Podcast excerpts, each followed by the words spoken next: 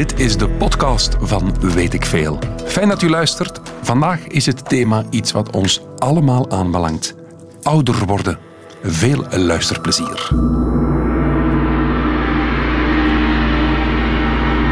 Radio 1. Weet ik veel met Kopen Ilse. Zeer goedemiddag. Het gaat in Weet ik Veel vandaag over ouder worden. En het is lang geleden, dus ik dacht, we beginnen nog eens met poëzie. Als ik overmorgen oud ben, hoor jij dan nog steeds bij mij? Als ik dreinen ga en zeuren, blijf jij mij dan toch nabij? Als ik overmorgen oud ben en de zon niet meer kan zien, wil je mijn verhaal dan horen, troost je mij dan ook misschien? Als ik overmorgen oud ben, duizend rimpels in mijn huid, wil je mij dan zachtjes strelen, lach je mij dan teder uit? Als ik overmorgen oud ben en ik weet jouw naam niet meer, blijf jij dan mijn naam wel noemen en mij groeten keer op keer? Als ik overmorgen oud ben en soms bang ben voor de dood, blijf jij hand in hand dan waken als ik klein ben en jij groot. Als ik overmorgen oud ben, hoop ik dat ik jou nog ken en mijn hart me blijft vertellen hoe gelukkig ik nu ben. Is mooi, vind ik. Heel Anne. Hakes, goedemiddag. Goedemiddag. Anne, jij bent ouderpsychiater. En wat mij opvalt, waarom begin ik met dit gedicht? Als ik ter voorbereiding van dit programma muziek opzocht, poëzie of een tekst of eender wat, het valt mij op dat iedereen, als het gaat over ouder worden, of toch heel veel mensen, met een soort pessimisme naar de toekomst kijken. Het gaat slechter met mij gaan. Ook in het gedicht, als ik overmorgen oud ben, blijf je dan nog wel bij mij. Is dat terecht? Zijn, moeten we schrik hebben van ouder worden? Wel, het klopt wel dat veel mensen schrik hebben om ouder te worden. Ehm, maar tegelijkertijd moeten we ook zeggen dat de meeste mensen die ouder worden toch ook wel tevreden zijn met hun Toch? leven. Dat dat beeld van de ongelukkige ouderen, dat dat toch niet helemaal correct is. Oef, Oef, ja. is toch, het is een soort toenbeeld, toch? Hè? Ja, ja, ja, ja. Er wordt... ehm, of er is lange tijd op een heel negatieve manier gekeken naar Ja. oudere mensen. Alsof met het ouder worden er alleen, alleen maar verval optreedt. Mhm. hè. En natuurlijk is Fysiek, er, ja. is er fysiek wel achteruitgang en kan je veel dingen niet meer. En is er een verhoogde kans op een aantal ziektes of aandoeningen. En is er veel verlies. hè. Dus het is natuurlijk ook niet romantisch of... eh, Hm. Ja, om, om lyrisch over te doen. Eh, maar het is een genuanceerd verhaal. Eh, en ouder worden is voor iedereen ook anders. Ja, tuurlijk. Eh, je hebt een, een, een, een 60-jarige die misschien in een slechtere algemene conditie kan zijn dan iemand van 85 die nog in zeer goede algemene conditie is en nog heel onafhankelijk is en alleen woont. Ons moeder is 63 en je hebt nu net een 60-jarige als referentie genomen in een uitzending. Ze gaat zich beetje aangesproken voelen, want zij vindt zichzelf nog helemaal niet oud. Wel, maar dat dus- is belangrijk. Ja. Hè? Hoe dat, want je kunt op verschillende manieren kijken naar ouderen. Hè? Wat is een oudere? Wanneer ben je oud? Mhm. Eh, je kunt daar een kalenderleeftijd op plakken. Nee, maar toch? dat doet onrecht. Dat doet Laat ons- onrecht. We dan zeggen, het, je bent maar zo oud als je je voelt. Dat is het cliché. Dat is het cliché. Eh, en daar zit een stuk waarheid in. Want natuurlijk, hoe dat je je voelt, eh, hoe dat je kijkt naar de dingen, hoe dat je in de wereld staat, hoe dat je in relatie staat met de anderen, is natuurlijk wel verschrikkelijk belangrijk en helpt je ook op een goede manier oud te worden. Maar het is niet alleen hoe dat je je voelt, maar het is ook wel wat er, wat er gebeurt, hè, wat er met je lichaam gebeurt. Ehm, en daar zijn, ja, daar zijn toch wel wat misverstanden rond.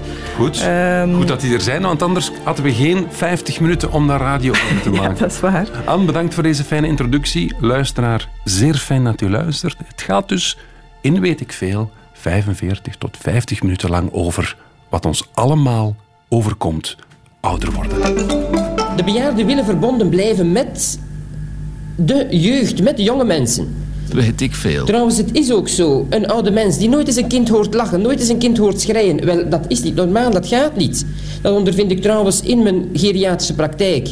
Een oude man die buitengesloten wordt of een oude vrouw uit alles wat het leven nog aangaat, die gaat ook veel rapper dood. Wij kunnen niet een oude mens verjongen. Iemand die daarvan durft praten van verjongen, dat is een kwakzalver. En ook bij de mensen die een diploma van geneesheer hebben, zijn er kwakzalvers. Dank u wel, dokter Leconte.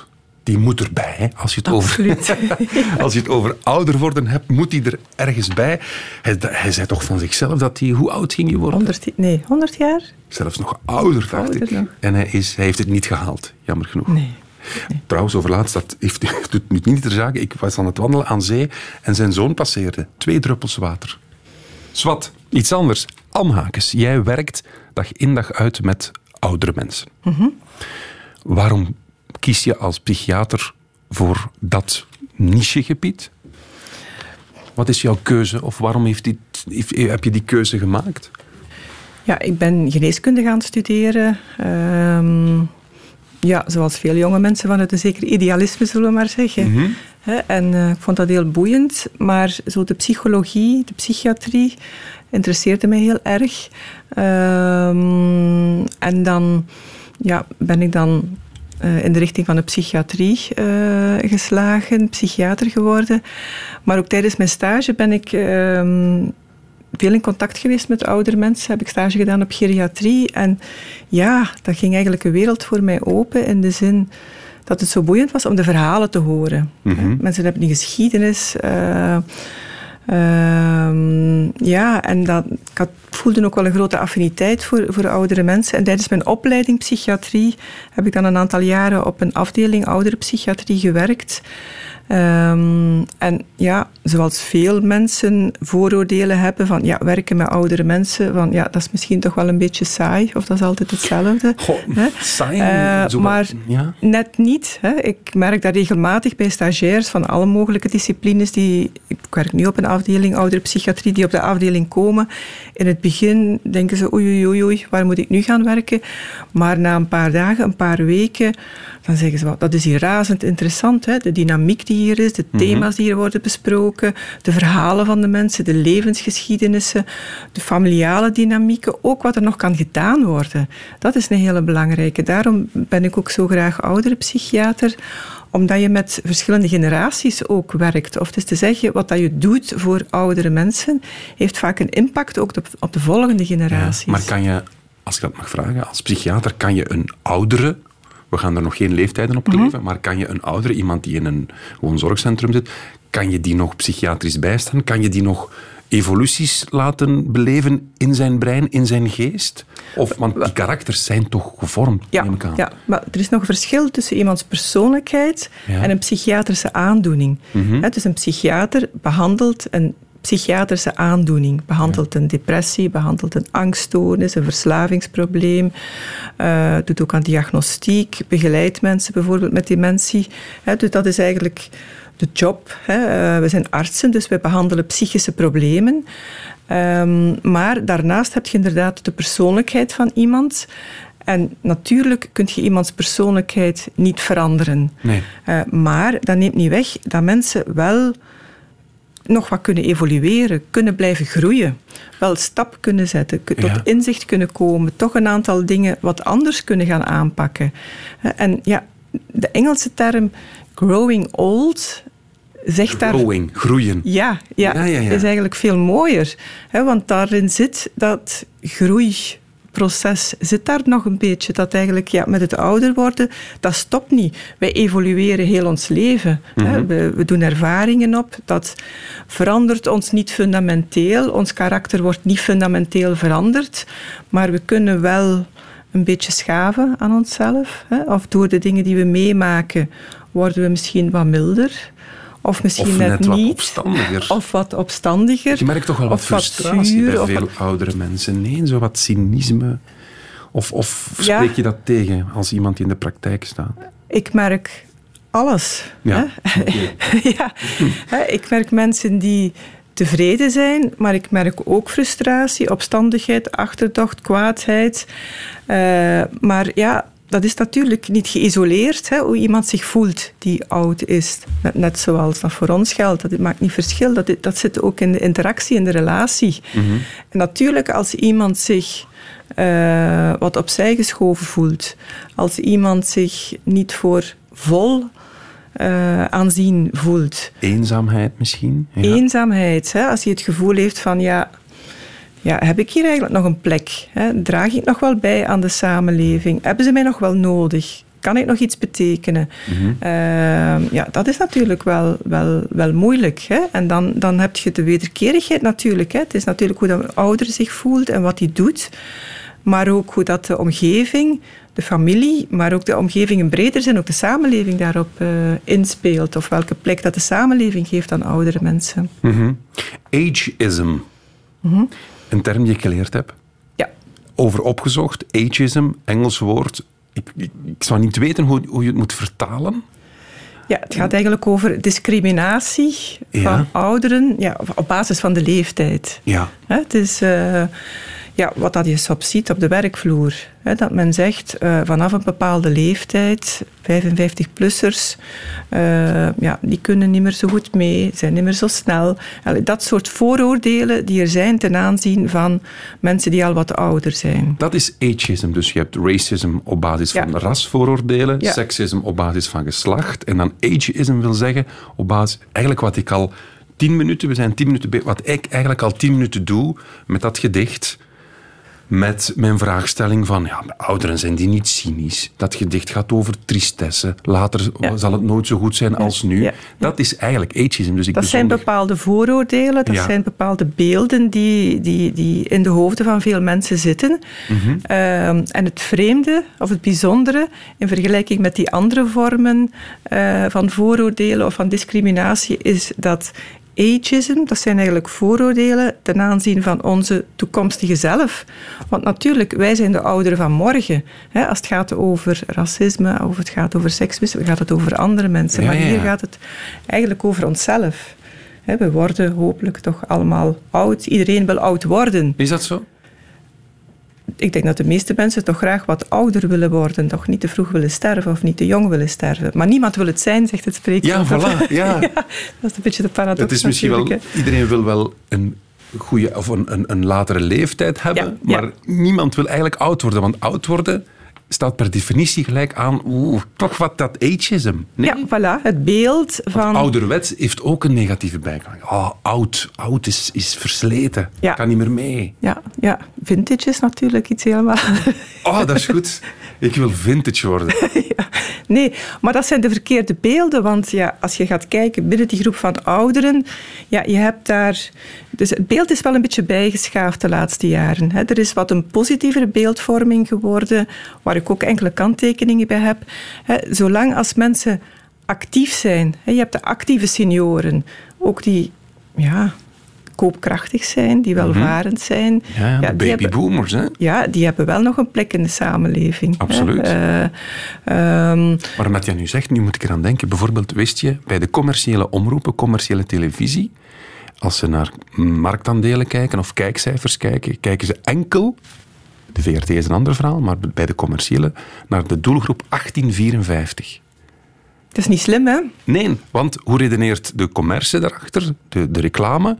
Ja, vanaf je 54ste ben je zo vastgeroest, ga je nooit nog persil kopen als je al heel je leven Ariel koopt. Dus zo redeneren commerciële omroepen, die kijken enkel 1854. Dus dat is ook ageism. Absoluut. Dat is ook niet verstandig, denk ik, om dat zo te doen. Trouwens, de groep van ouderen wordt groter en groter. Eh, mensen blijven ook langer goed. Mensen zijn, ja...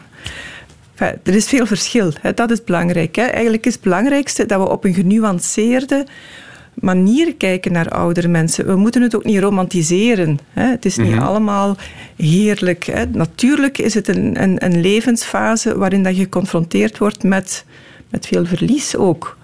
Letterlijk en figuurlijk. Letterlijk en figuurlijk. Hè? Want veel mensen kijken uit naar pensioen. En voor heel veel mensen is dat een zegen. Hè? En veel mensen slagen er heel goed in om ja, zin te vinden in andere rollen. Andere rollen op te nemen als grootouder. Of, of eh, ja, ergens wat vrijwilligerswerk te doen. Of weet ik veel. Ja. Eh, maar voor een aantal mensen is dat wel een probleem. Die vallen een beetje in een zwart gat. Ja, als uw identiteit met, met, met, uw, met uw job samenhangt, is dat niet zo eenvoudig om, om, opnieuw een andere rol te vinden. En natuurlijk, uh, mensen die lang gezond blijven, die het geluk hebben van gezond te blijven, ja, dat is iets helemaal anders dan iemand die op zijn zeventigste met een CVA geconfronteerd wordt, of iemand die lijdt aan dementie. Wat is een CVA precies? Een herseninfarct of een hersenbloeding. Okay. Uh, ja, dan wordt het ook al wel een moeilijke verhaal. Dan moet je proberen om daarmee ja, verder te kunnen en toch nog een zinvol leven te leiden. We hadden u gevraagd om, een, uh, om wat muzieksuggesties te doen. U had onder andere later van Herman van Veen gesuggereerd. Ja, ja. Waarom? Wel, het is een mooi liedje. Het gaat over een koppel, een ouder wordend koppel. Um, er zit ook iets in van de misschien ook een beetje van de voordelen van het ouder worden. Zo van al het vreselijke snoeven zal tenminste niet meer hoeven. Gaar of muffen zijn gebakken. Zo van ja, een aantal dingen hoeven ook niet meer. Uh, je mag ook het wat rustiger aandoen. Je mag ook wat passiever zijn. Uh, je mag wat slenteren. Mm -hmm. Dat is allemaal toegestaan. Ik denk het wel. Ik ben Etienne Vermeers. En als ik één levensles zou mogen doorgeven aan de jeugd, dan zou dat zijn: probeer je hele leven door altijd een project voor ogen te hebben. Dus een doel, dat kan een beperkt doel zijn, dat je dan weer vernieuwt naar een ander doel, maar een project waar je kunt op richten en dat tot gevolg heeft dat je je nooit verveelt. Zich vervelen, dat is een bijzonder ergerlijke situatie. Dat brengt je niets vooruit. Dat geeft je geen bevrediging. Dat maakt je alleen maar uh, slap en ja, lamlendig. En er gebeurt niets. Weet ik veel.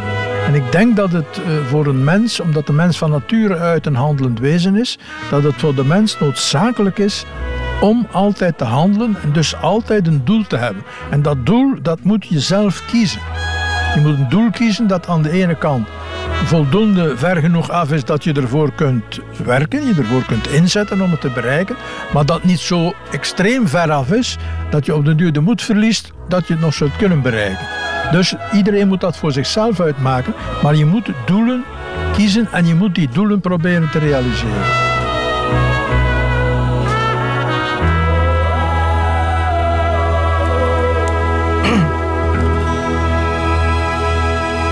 weet ik veel over ouder worden. Een uh, interessant thema. aan Hakens is bij ons ouderpsychiater. Heeft Etienne Vermeers-Zaliger gelijk? Is dat de clue om uh, ouder te worden op een, op een fijne manier? Plannen maken, projectjes hebben, je niet vervelen? Absoluut. Ik denk dat het voor iedereen heel belangrijk is om een doel te hebben, hoe klein dat dat ook kan zijn. Ja, want welk doel heb je nog als je, met alle respect voor de persoon over wie het gaan gaat, in zijn stoel zit en eigenlijk nog amper fysieke kracht heeft of vooral uitkijkt naar de bingo-namiddag op donderdagnamiddag? Of maak ik er een karikatuur Nu maak je natuurlijk weer een karikatuur Age-ism. Ik bezondig mij er weer aan. Nee, maar je begrijpt maar zelfs iemand in een woonzorgcentrum die fysieke beperkingen heeft, die kan doelen hebben. Mhm. die kan uitkijken naar het bezoek of toch nog de trouw van de kleindochter willen meemaken. Mm dus ergens wat perspectief uh, hebben uh, of uitkijken totdat de coronacrisis voorbij is en terug iedereen op bezoek mag komen. Dus iedereen heeft inderdaad heel zijn leven nood aan bepaalde projecten, aan doelstellingen. En ja, ik kan het niet mooier zeggen dan Etienne Vermeers. Je moet natuurlijk ook geen irrealistische doelstellingen maken, maar dat, dat zit hem soms wel in heel kleine dingen. Mm -hmm. Tijdens de plaats zei u, the art of aging.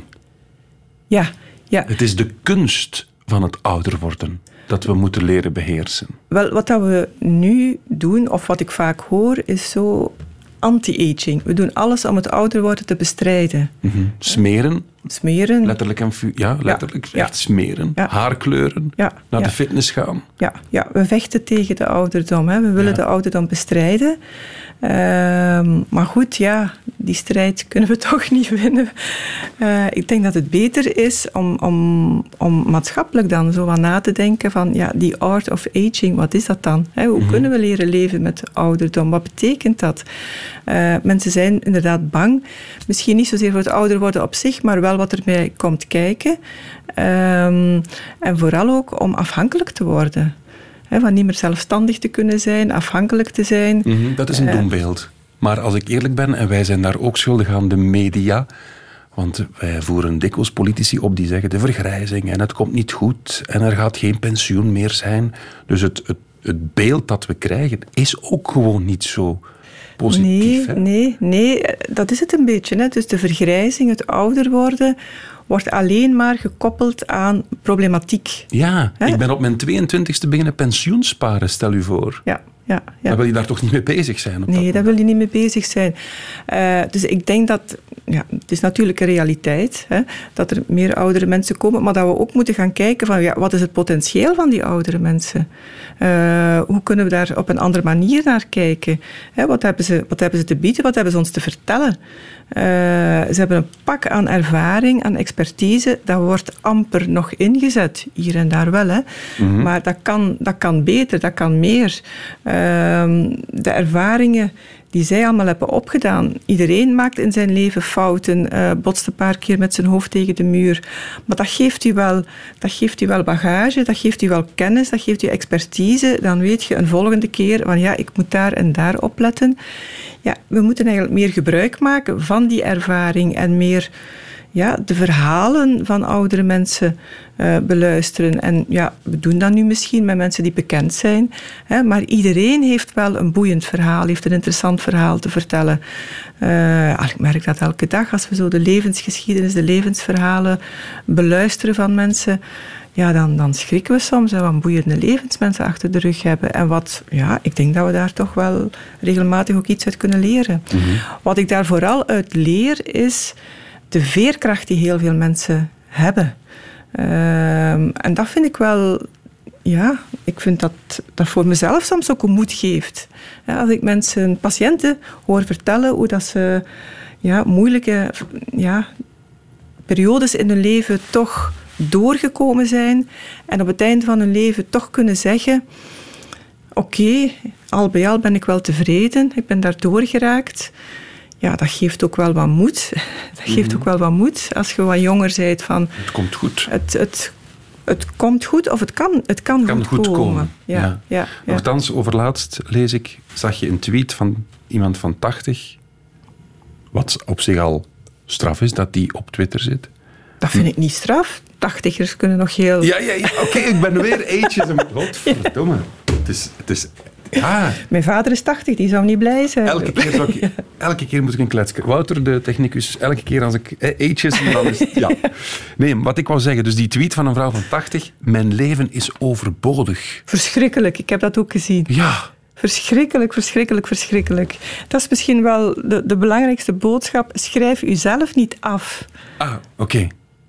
Nee, ik dacht, schrijf zelfs niet in op Twitter. Dat, ja, dat is misschien ook een goed idee. Dat vind ik een gouden raad, maar bon. Ja, dat is Schrijf jezelf niet af. Ja, doe daar dat toch niet aan mee. Uh, in Nederland is nu die grote discussie van doorhoud. Hè, van uh, ouderen zijn doorhoud. Ah ja, oké. Okay. Van, ja. van, ja, dat gaat over de coronadiscussie. Van, ja, Mhm. moeten wij nu met z'n allen inspanningen doen om de oudere mensen te sparen? Ja. Van, en daar is daar een, een, een, een mevrouw uh, die heel veel twittert en opiniestukken schrijft van, van ouderen zijn doorhoud. Eigenlijk moeten we die afknippen. Hè. We moeten ons fixeren op de jonge twijgjes. Dus daar is nu een gigantische beweging, een tegenbeweging van potverdorie, ik ben geen doorhoud. Hè. Uh, ik heb nog wel een plek, hè. Uh, ik heb nog wel iets te vertellen en ik wil nog leven en uh, ik zorg voor mijn kleinkinderen en ik doe dit en ik doe dat. Absoluut, maar dan, de discussie wordt effectief gevoerd over corona. Kan je je economie miljarden euro schade toebrengen als vooral ouderen die niet meer, of die vooral, of het merendeel waarvan het merendeel niet meer actief participeert in die economie, is het een het andere waard? Ja, dat is pas ageism, hè? Dat, absoluut, maar het is, van, het is wel een vraag. Maar het is een, het is, het is een discussie. vraag, denk ik. Het ja. is een discussie. Um, we zitten erin, hè? We het virus erin, treft ja. vooral ouderen.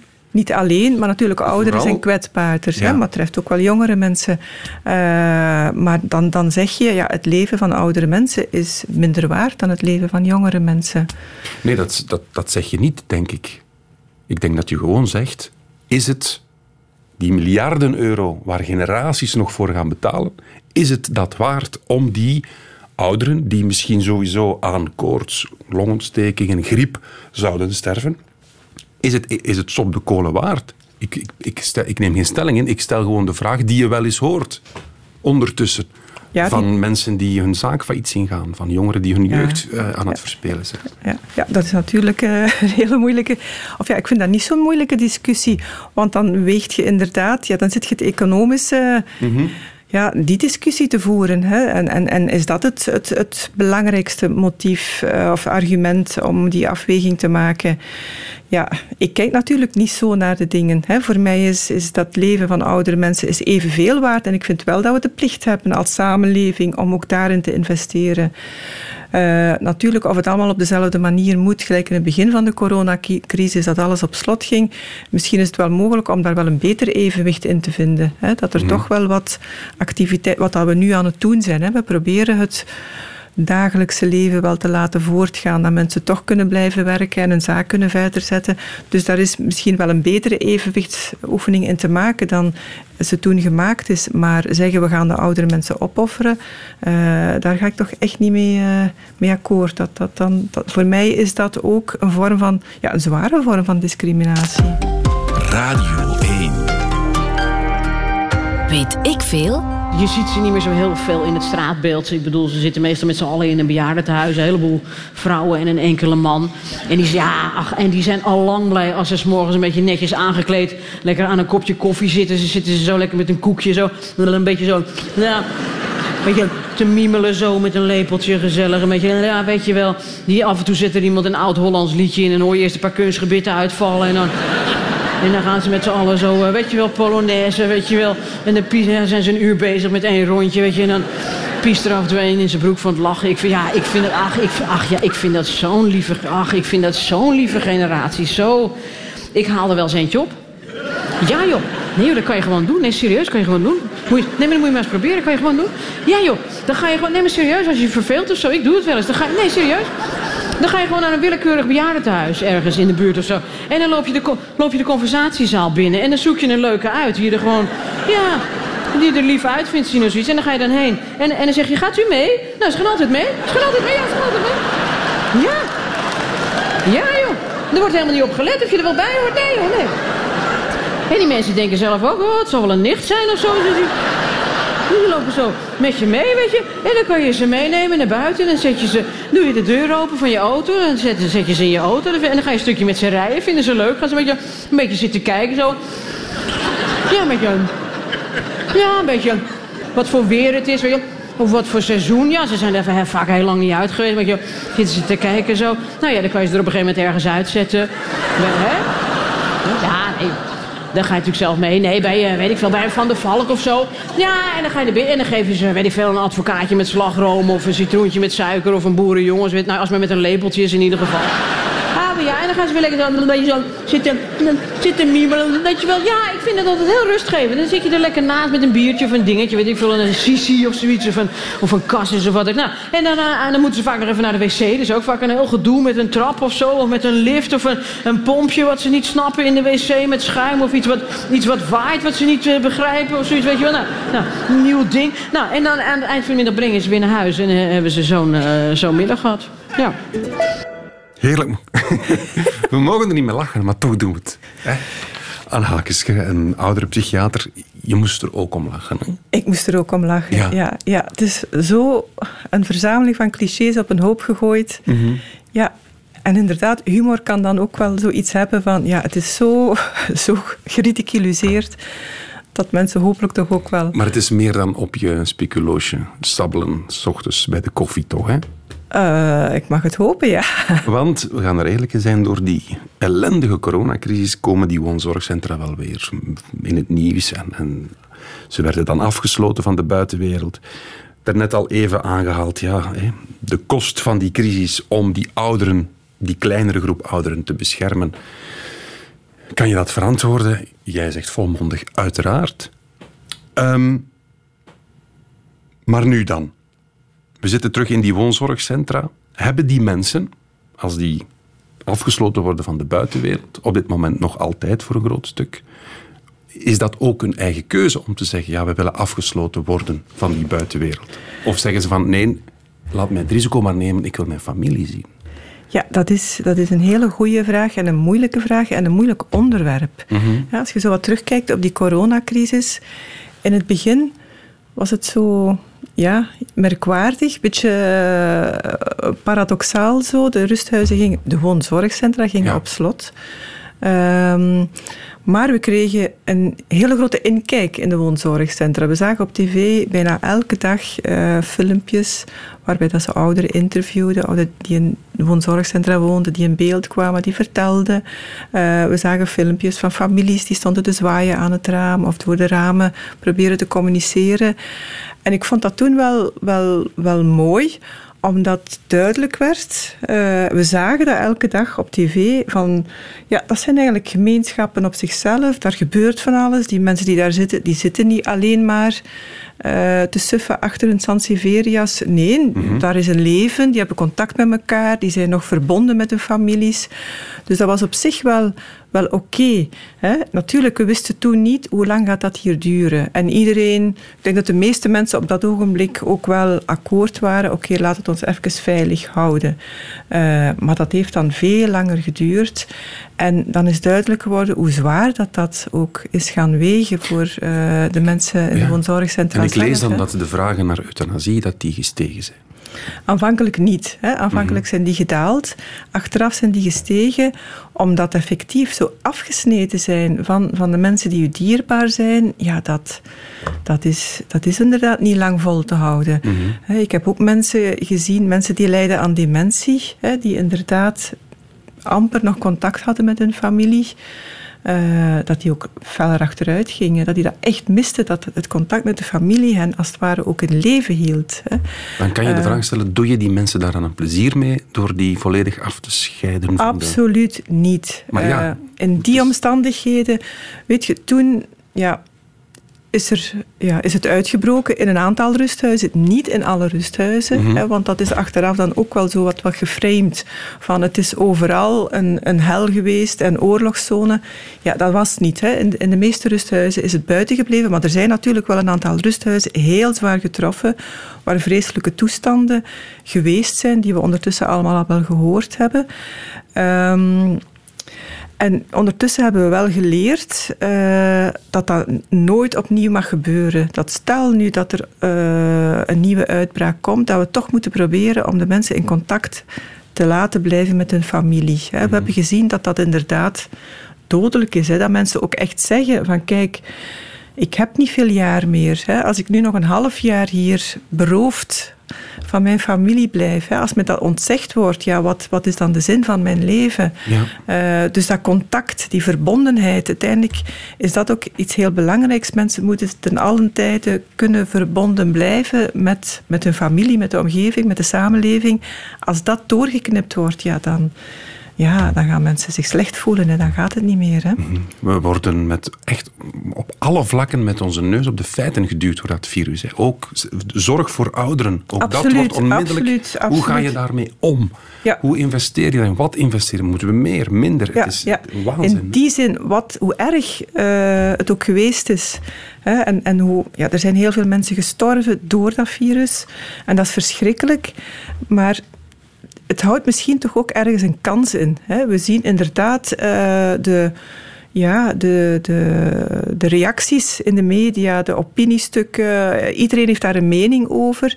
En misschien is dat niet slecht hè, dat er wordt nagedacht van ja, onze ouderenzorg, hoe zijn we eigenlijk bezig? Wat doen we? Waar staan we?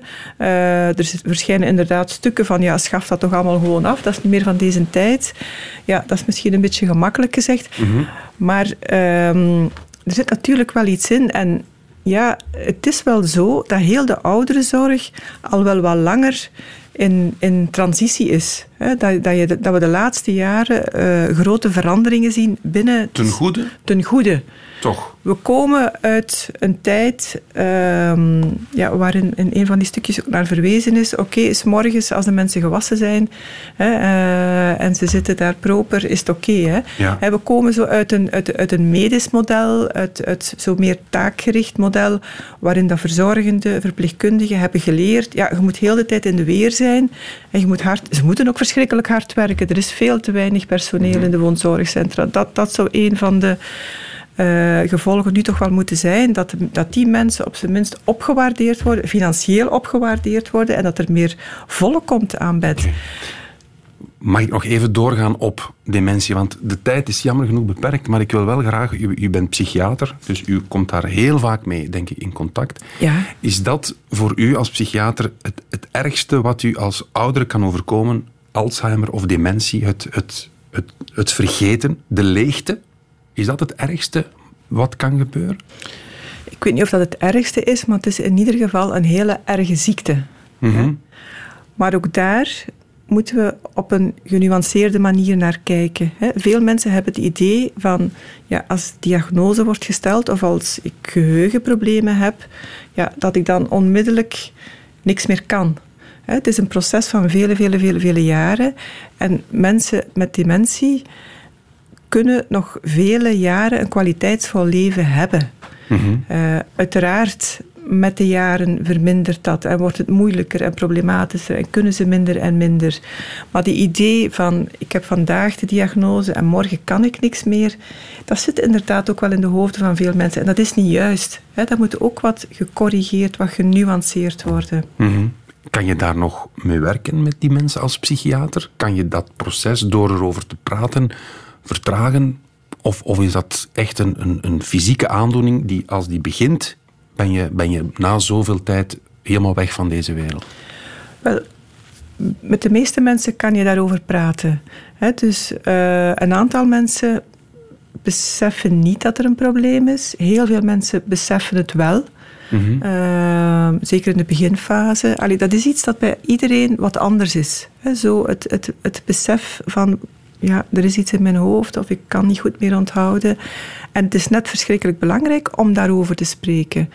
Eh, en mensen kunnen daar heel mooi over vertellen wat dat met hen doet. Hoe moeilijk het is om, om op woorden te komen. Dat ze dingen willen vertellen. Hè, dat, dat ze de woorden niet vinden. Dat ze daardoor ja, sociale contacten wat gaan vermijden. Dat ze schrik hebben om in gezelschap te spreken. Dat ze een gevoel van isolatie ondervinden, dat hen dat wat eenzamer maakt. Dus mensen kunnen daar soms heel goed, heel mooi over vertellen. Maar je moet er willen naar luisteren natuurlijk. Hè. Ik denk dat het belangrijk is dat we daar met z'n allen meer open voor staan en, en dat beeld ook een beetje corrigeren en nuanceren. Weet ik veel? We moeten bijna afronden, jammer genoeg, want het is bijzonder interessant. Als ik u een tip mag vragen, wat is het geheim van goed oud worden? Ik heb veel tips, maar ik zou ze willen samenvatten onder één metafoor bijna. Eh, de metafoor van het dansen. Dansen. Dansen, omdat niet dat iedereen moet gaan dansen, hè, maar in dansen zit heel veel omvat dat u helpt op een goede manier ouder te worden. Dansen is bewegen. Hè, dus in beweging blijven is een hele belangrijke. Dansen is elkaar ontmoeten. Je danst meestal niet alleen. Hè, je danst in gezelschap, je zit samen. Dus sociaal contact, eh, verbonden blijven, eh, mensen opzoeken, dat is een hele belangrijke. Dansen is ook nieuwe dingen aanleren. Eh, proberen u fris te houden. eh, openstaan voor nieuwe dingen. De verwondering blijven behouden. Dansen is plezier maken. Ehm, dat hoort er allemaal bij.